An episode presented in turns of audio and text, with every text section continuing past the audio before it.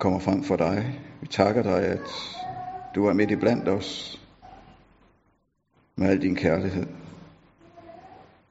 Herre Jesus, vi priser og ophøjer dit navn, fordi vi har dit ord i blandt os.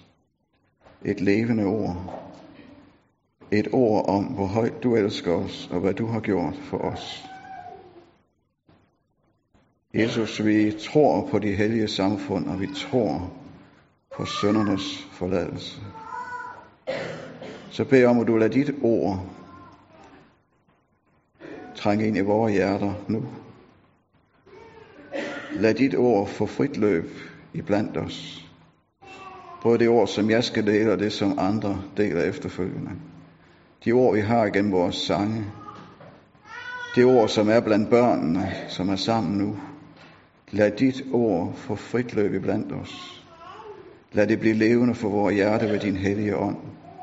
Det beder jeg om, Herre Jesus, i dit navn. Amen.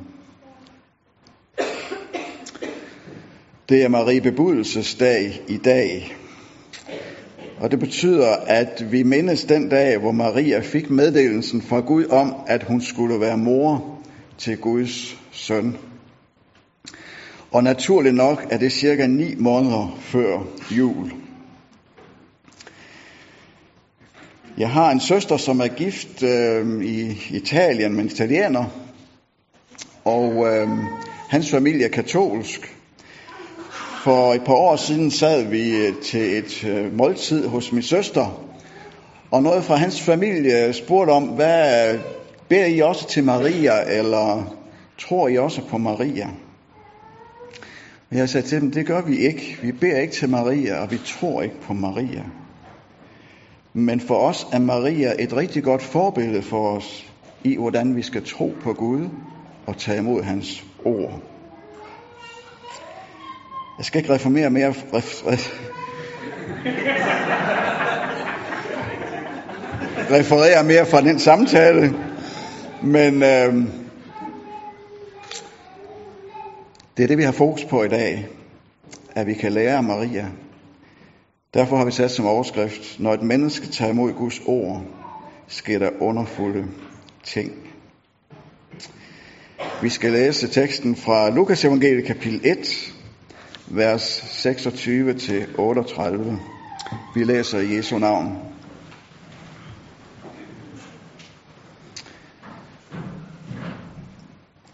Da Elisabeth var i 6. måned, blev englen Gabriel sendt fra Gud til en by i Galilea, der hedder Nazareth, til en jomfru, der var forlovet med en mand, som hed Josef, og var af Davids hus. Jomfruens navn var Maria. Og englen kom ind til hende og hilste hende med ordene, Herren er med dig, du benåede. Hun blev forfærdet over de ord og spurgte sig selv, hvad denne hilsen skulle betyde. Da sagde englen til hende, Frygt ikke, Maria, for du har fundet noget for Gud. Se, du skal blive med barn og føde en søn, og du skal give ham navnet Jesus. Han skal blive stor og kaldes den højeste søn, og Gud Herren skal give ham hans far Davids trone. Han skal være konge over Jakobs hus til evig tid, og der skal ikke være ende på hans rige. Maria sagde til englen, hvordan skal det gå til? Jeg har jo aldrig været sammen med en mand. Englen svarede hende, Helligånden skal komme over dig, og den højestes kraft skal overskygge dig. Derfor skal det barn, der bliver født, også kaldes helligt Guds søn. Også din slægtning Elisabeth har undfanget en søn nu i sin alderdom. Hun, om hvem man siger, at hun er ufrugtbar, er i 6. måned. Sig intet er umuligt for Gud. Da sagde Maria, Se, jeg er Herrens tjenerinde. Lad det ske mig efter dit ord. Så forlod englen hende. Amen.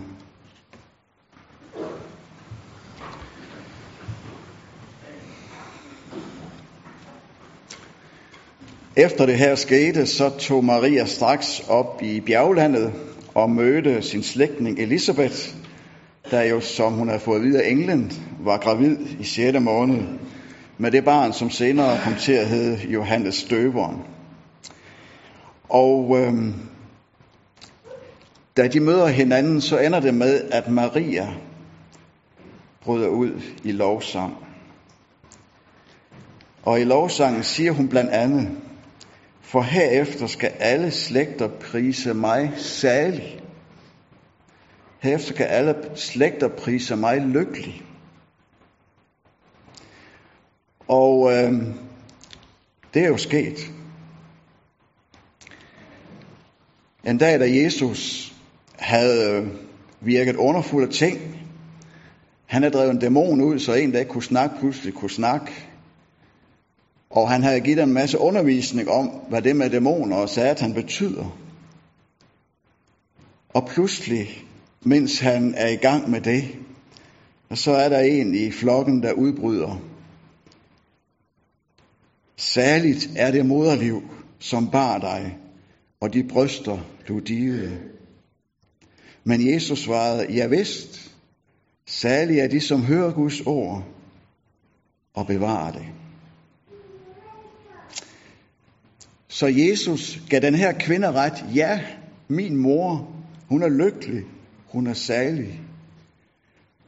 Men ikke på grund af det, at hun er mor til Guds søn, til mig, men fordi hun tager imod Guds ord og gemmer det i sit hjerte.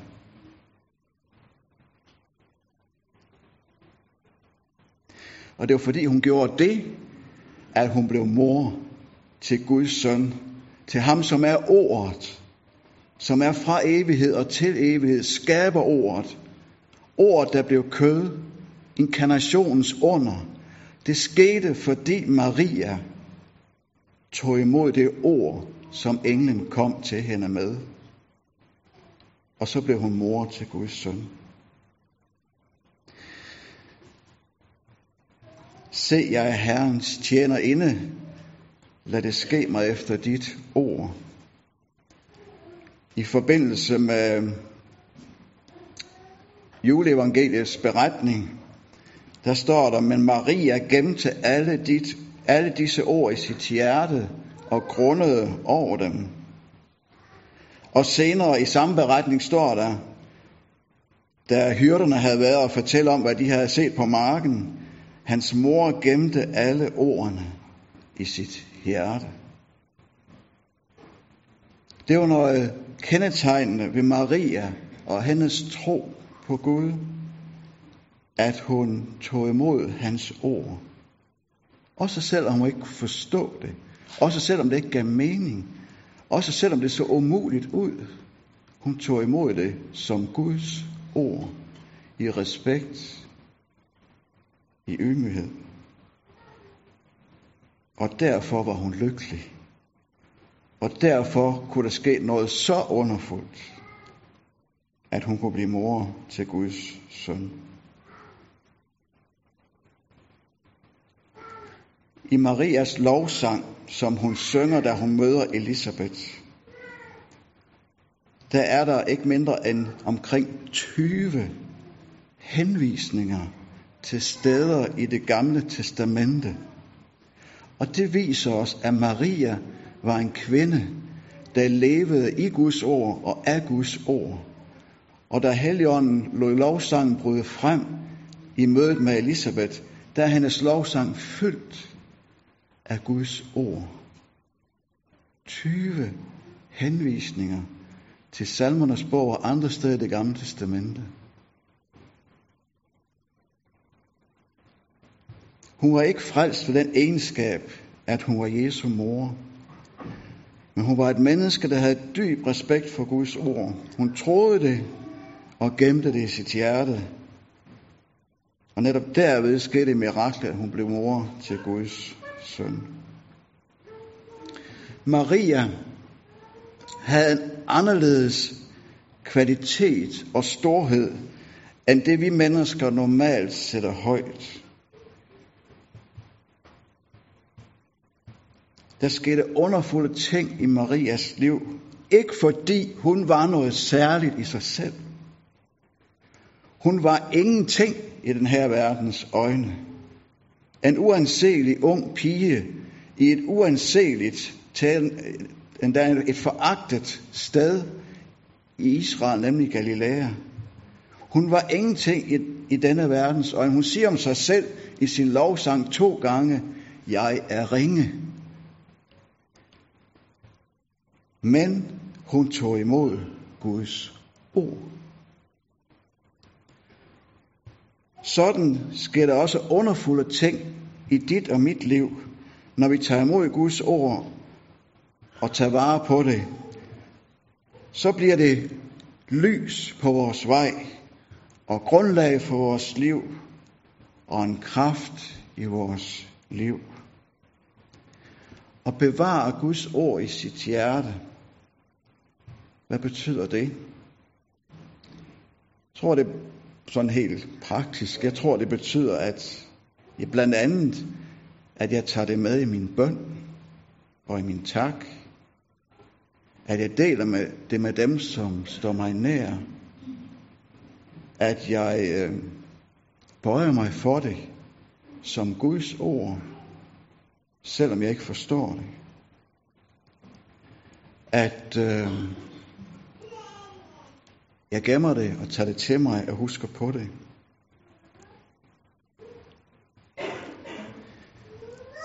Og så er det ligegyldigt, hvad du er i den her verdens øjne, eller blandt kristnes, i kristnes øjne. Det er fuldstændig ligegyldigt. Og du er noget stort eller noget lille. Fuldstændig ligegyldigt. Hvis du tager imod Guds ord i dit hjerte, så kan der ske underfulde ting i dit liv. Der kan komme underfulde frugter ud af dit liv.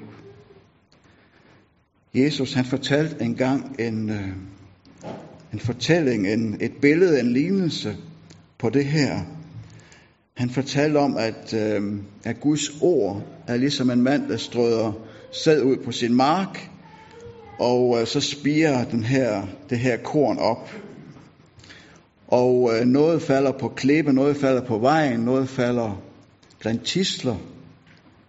Og det, øh, det dør på et eller andet tidspunkt. Det bærer ikke frugt. Men siger, så siger han, at der er noget, som falder i god jord. Det er det menneske, som tager imod ordet og gemmer det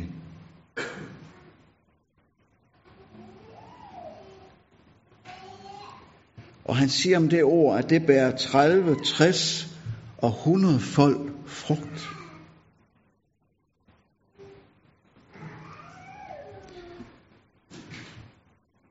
Maria, hun viser os, at det drejer sig om tillid. Det drejer sig om lydighed over for det ord, jeg, tager, jeg hører. Men må ikke der stadig var mange spørgsmål og tvivl i Marias hjerte, da hun sagde til englen, Se, jeg er Herrens tjener, inden, lad det ske mig efter dit ord. Jeg tror, hun har taget imod budskabet med stor bæven og med meget tvivl i sit hjerte. Alligevel så siger Elisabeth om hende, Særlig er hun som troede, altså Maria. For det, som er talt til hende af Herren, skal gå i opfyldelse. Troen kom til udtryk ved, at hun bøjede sig for det Gud sagde, selv om det lød umuligt og usandsynligt. Når Gud, når det er Gud, der siger det, hvem er så jeg, at jeg skulle nægte at tage imod budskabet? Og nægte og handle efter det. Sådan har hun haft det. Når vi tager imod Guds ord, så kan der ske utrolige ting. Fordi han har sagt det, fordi det er hans vilje. Det er, det er noget fra ham. Det betyder, at det er noget ufortjent. Det er noget, han giver ufortjent. Det er en gave. Det er et privilegium. Må vi få lov til at være redskaber for ham og for det, han gør i den her verden. Og det bliver vi, når vi tager imod Guds ord. Så bliver vi redskaber for ham og det, som han gør i den her verden. Og han går selv med os hele vejen og vil bære os og styrke os ved sine løfter. Også og ikke mindst, når det går op ad bakke, og når livet er svært.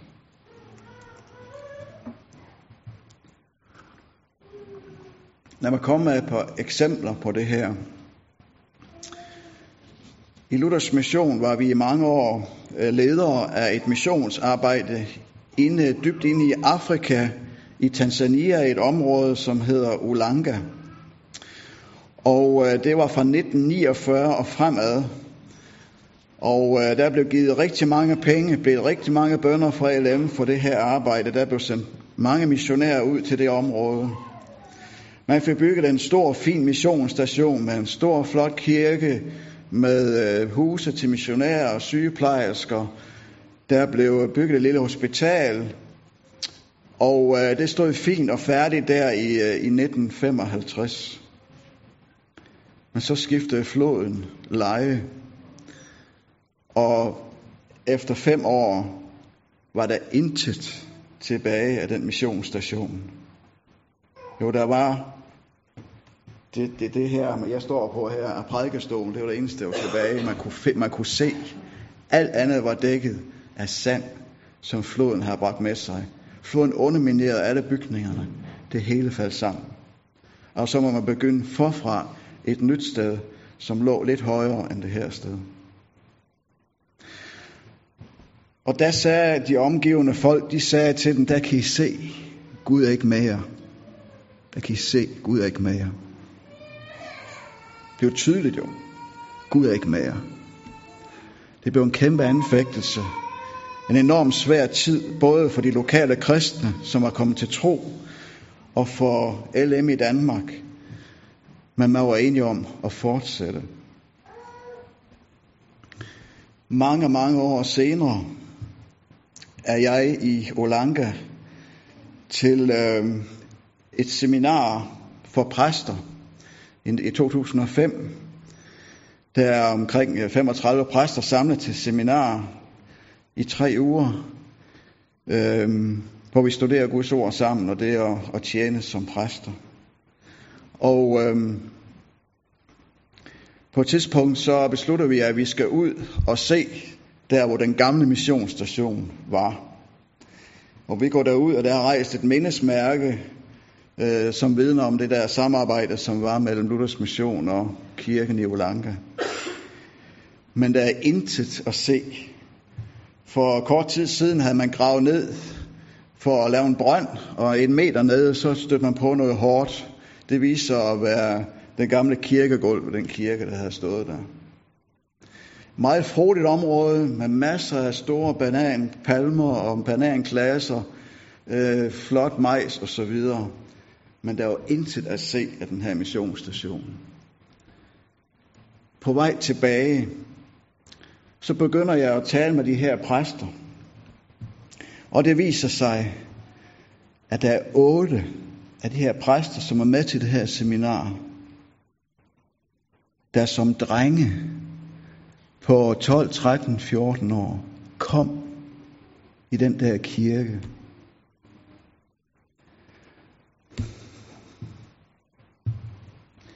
og hørte Guds ord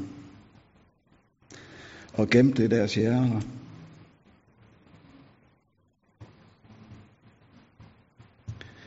Otte præster, som siden har været til stor, stor velsignelse og til frelse for mange mennesker. Så ja, det blev slettet ud det hele, men det ord, som blev sået i de her drengehjerner, det var der kraft i. Fordi det tog imod det. Og det er bare mange folk, frugt i deres liv. Jeg er selv blev velsignet igennem samarbejdet med nogle af de præster, og har lært af dem. Et andet eksempel. I øh, 2015 uddeler vi julehjælp i vores menighed i Aalborg til 95 familier.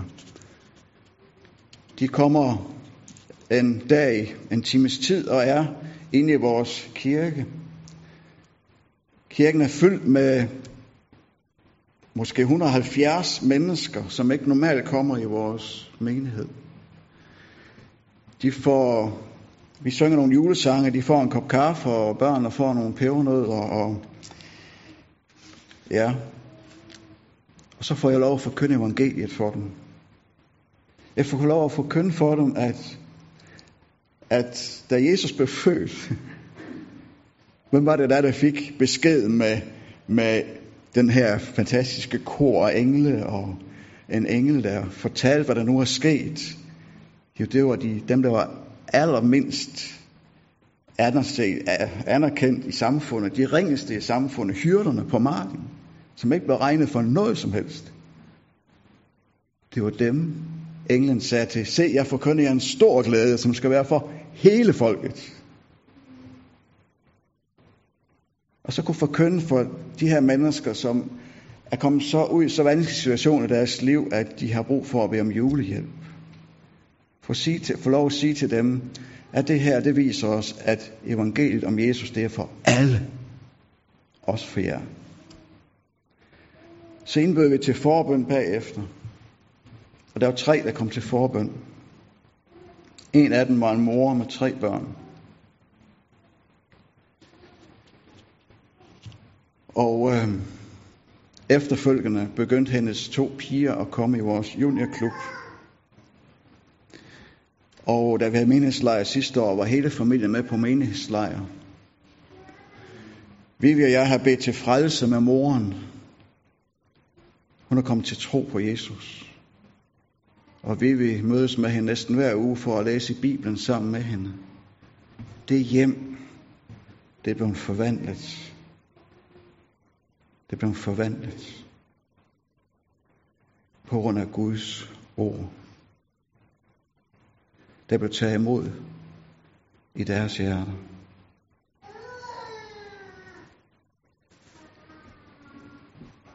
Her den anden dag,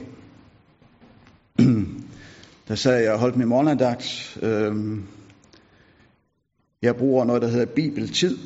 Det er en app, man kan downloade fra bibellæseringen på sin smartphone. Og så kan man øh, vælge forskellige bibellæseplaner. For tiden læser jeg nogle af Carsten Hauge Mortensen, øh, rektor på KG, om Johannes evangeliet. Og så sad jeg og læste der, og så var der bare et ord, som han understregede fra den her tekst, som blev så stort for mig, så nyt for mig at øh, det lige frem bliver overskriften til den prædiken, jeg skal holde næste søndag, palmesøndag, i vores egen menighed i, i Aalborg. Det er jo de der ord af Jesus, da han skulle øh, holde måltid med, med disciplene og, og lidt senere vaske deres fødder. Der står der, han elskede dem ind til det sidste. Jeg har brug for at høre de ord. Han elskede dem ind til det sidste. Og så vaskede han deres fødder. Og så Peters fødder. Han vidste Peter, han vil svigte mig. Han vil fornægte, at han kender mig. Han vil bande på, at han ikke kender mig lige om lidt. Og Judas' fødder, som vil forråde ham. Han elskede dem ind til det sidste. For efter sin opstandelse, der møder han dem ved Galileas sø, og han laver måltid for dem inde på stranden. Han har tændt et bål. Så giver han Peter en ny begyndelse. Elsker du mig? Ja, herre, du ved, jeg har dig kær. Vogt mine får. Han elsker dem ind til det sidste. Kender du til dit liv og svigte Jesus? kender jeg til i mit liv og svigte Jesus. Ham, som er så uendeligt trofast over for mig. Der har vi brug for at høre de her ord.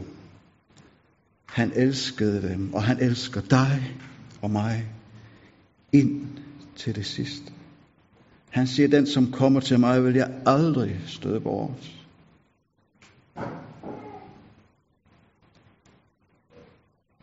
hvor synden blev stor, der blev nåden end mere overstrømmende rig. Det gælder også for dig og mig.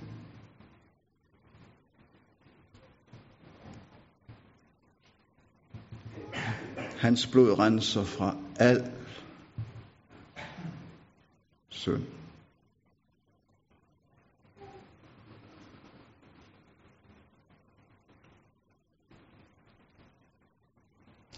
Så til sidst, så har jeg lige et par billeder.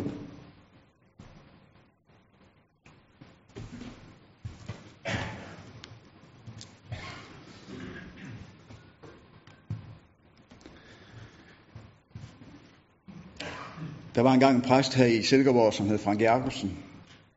En gang han havde været på bibelkursus på Luthers Missionsforeningens Højskole i Hillerød. Der var der interview med ham i båndet, og der blev han spurgt, øh, om ikke det er materialismen, der er det, det store problem øh, i vores tid, at det er derfor, så mange kristne bliver lunkne. Det er derfor, der er så mange kristne, der falder fra. Det er derfor, der er så mange kristne, som øh, ikke brænder for Jesus længere. Derfor er der så mange, derfor er der så mange, der ikke kommer til tro. Fordi vi er så rige, så velstående. Han blev spurgt om det. Er det ikke det, der er grunden? Materialismen har holdt sit indtog. Det, som det her billede er udtryk for. Penge, og det vi kan få for penge. Og der gav Frank Jacobsen et overraskende svar. Han sagde nej, det er det ikke. Det er fordi Guds ord ikke længere har førstepladsen i vores liv.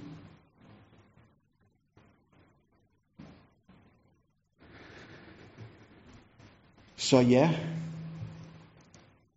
penge og det vi kan få for penge indirekte, kan det være årsag til, at vi bliver lunkne og mister troen på Jesus. Der hvor penge og det vi kan få for penge presser Guds ord ud i periferien af vores liv.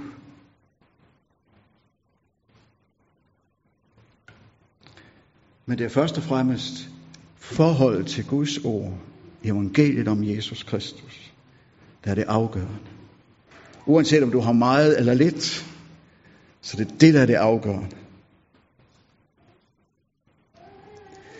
Og hvad er hemmeligheden her? Hemmeligheden er et ord. Først. Først. Altid Guds ord først i dit liv. Altid Guds ord først i din dag, i din uge, på din ferie, på din rejse. Guds ord først. Hvis Jesus er herre og frelser i dit liv, og er først i dit liv, så lad hans ord komme først. Fordi ellers går det tit sådan, du kommer aldrig til det. Så bliver det fyldt med alle de andre ting. Men når han er først, og hans ord er først, så får vi et helt andet forhold til, til penge og det, vi kan få for penge. Vi får et sundt forhold til det. Fordi han er først i mit liv. Og øh, først Guds menighed. Guds ord, når vi samles til børnekirke, til børneklub, til Guds tjeneste, hvad det er. Først, førstepladsen, første prioriteten. I familien. Jeg ved ikke, hvad han fortæller, den lille dreng der, om han fortæller om, hvad han har hørt i, i juniorklubben. Jeg ved det ikke. Men øh, Guds ord først i familien. Vi må dele Guds ord med hinanden og bede sammen. Her børn, som er til børnekirke eller børneklub, det går nok på Virksund fra menighedslejr, det der.